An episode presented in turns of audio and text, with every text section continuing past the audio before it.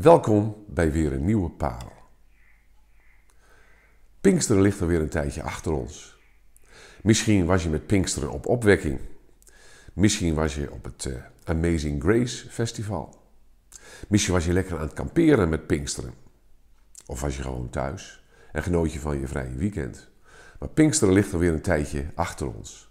de titel van deze parel voorbij Pinksteren was voor mij ook eigenlijk weer de inspiratie om die periode die we vinden in de Bijbel, om die nog weer eens onder de loep te nemen. De periode na de uitstorting van de Heilige Geest. De periode na Pinksteren. En als ik dat lees, dan word ik altijd een beetje blij. Dan is het alsof de kleuren anders zijn, alsof het licht in handelingen anders valt dan in de evangeliën.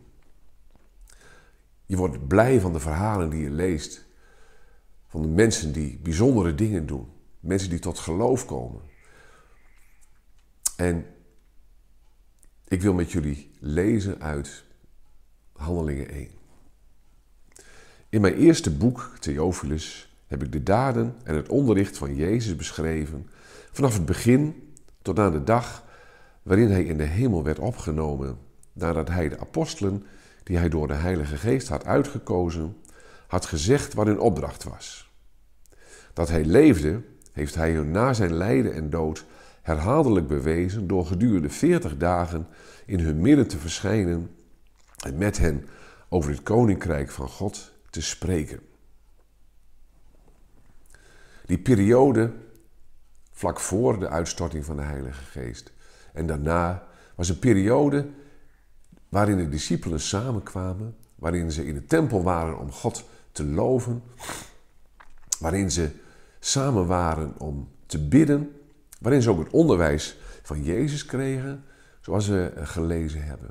En later, waarin ze hun leven samen deelden, waarin ze samen waren, samen het avondmaal vierden en eh, tot zegen waren voor de mensen om hen heen. Wat een bijzondere tijd is dat toch geweest. Een tijd van inspiratie en bemoediging.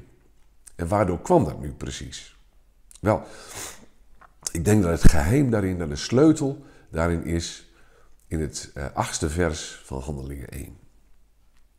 Waarin staat, maar wanneer de Heilige Geest over jullie komt, zullen jullie kracht ontvangen om mijn getuige te zijn in Jeruzalem, in heel Judea en Samaria, tot aan de uiteinden van de aarde.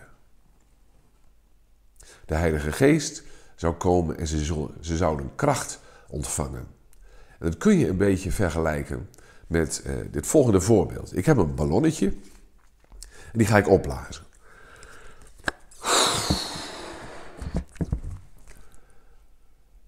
Nu zit mijn adem, die zit in dit ballonnetje. En uh, als ik het ballonnetje loslaat, zul je zien dat er kracht, voortstuwingskracht is in dit ballonnetje. Het ballonnetje vliegt zomaar weg omdat hij als het ware ook kracht ontvangen heeft. En daarmee kun je ook deze geschiedenis vergelijken van de discipelen die kracht ontvangen hebben door de uitstorting van de Heilige Geest. De Heilige Geest werd over hen uitgestort. En er gebeurden mooie dingen. Het grote wonder van het evangelie eh, eh, die, dat verkondigd werd aan alle volken begon in Jeruzalem. Juist omdat de discipelen daarover vrijmoedig spraken. En de kracht, de veranderende kracht en de vernieuwende kracht van Gods geest is zodanig dat een, een opvliegende visser wordt tot een uh, gedreven redenaar. Petrus, die uh, zijn toespraken houdt in het begin van de handelingen en ook vrijmoedig kan citeren uit het Oude Testament. Gods geest die maakt dat er een fanatieke vervolger van de gemeente verandert tot een gedreven evangelist zoals Paulus dat is. Je ziet dat mensen veranderen wanneer Gods geest in hun uh, werkzaam is. En misschien zeg je wel, hey, hoe zit dat precies met de Heilige Geest? Wanneer ontvang je nu de Heilige Geest? En hoe werkt dat in mijn leven? Hoe kan het werken in mijn leven? Ik denk dat Gods woord daar duidelijk over is. Dat je de Heilige Geest ontvangt op het moment als je tot geloof komt. Efeze 1 zegt dat we verzegeld zijn, het stempel van de Heilige Geest op ons eh, rust als we tot geloof komen. Het eigendomsbewijs van de geest. De Heilige Geest komt in ons wonen. Of zoals Paulus het zegt in 1 Korinthe 12. We zijn allen in één geest gedoopt. Als het ware ondergedompeld in de geest, doordrenkt van die ene geest. Zoals je ook een kwast doopt in de verf en die kwast helemaal doordrenkt is van de verf. En als je die kwast gebruikt, dan wordt de verf zichtbaar. Zo mag ook bij ons, nadat we tot geloof gekomen zijn, de Heilige Geest in ons woont, de Heilige Geest ook zichtbaar worden in ons leven. De vrucht van de Geest mag in ons leven zichtbaar worden. De liefde, de vreugde, de vrede, het geloof, uiteindelijk ook zelfbeheersing mag zichtbaar worden in ons leven. Dat wil de Geest door ons heen bewerken. En misschien vraag je af, ja, in mijn leven merk ik daar uh, weinig van. In mijn leven is nog zo weinig van de geest zichtbaar. Hoe is het dan?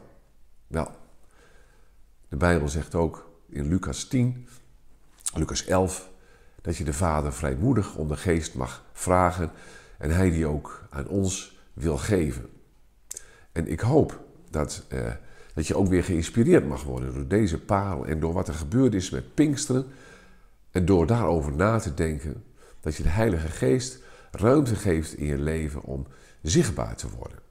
Je kunt het een beetje vergelijken met als het ware een, een, een waakvlammetje van een verwarmingsketel of van een gijzer. De Heilige Geest is bij je aanwezig, maar je merkt niet altijd dat hij volledig tot, tot ontbranding komt. De Bijbel noemt het ook wel het vervuld zijn met de geest. Soms zijn er mensen vervuld met de geest en spreken ze gedreven door Gods geest. Je kunt momenten hebben van vervulling van de geest. Waarin Gods geest echt duidelijk in je werkt. Dat je merkt dat je woorden van de geest krijgt. Dat je inzicht krijgt in bepaalde situaties. Soms is er geloof nodig voor een bepaalde situatie. Soms kan er genezing zijn. Het wordt allemaal gewerkt door één en dezelfde geest. De geest die God gegeven heeft met Pinksteren. En die in ons leven, die in mijn leven en in jouw leven mag uitwerken. Zijn uitwerking mag hebben. Ik hoop dat ook deze parel je weer mag bemoedigen. Dat meer van Gods geest, meer van Pinksteren in jouw leven eh, zichtbaar mag worden.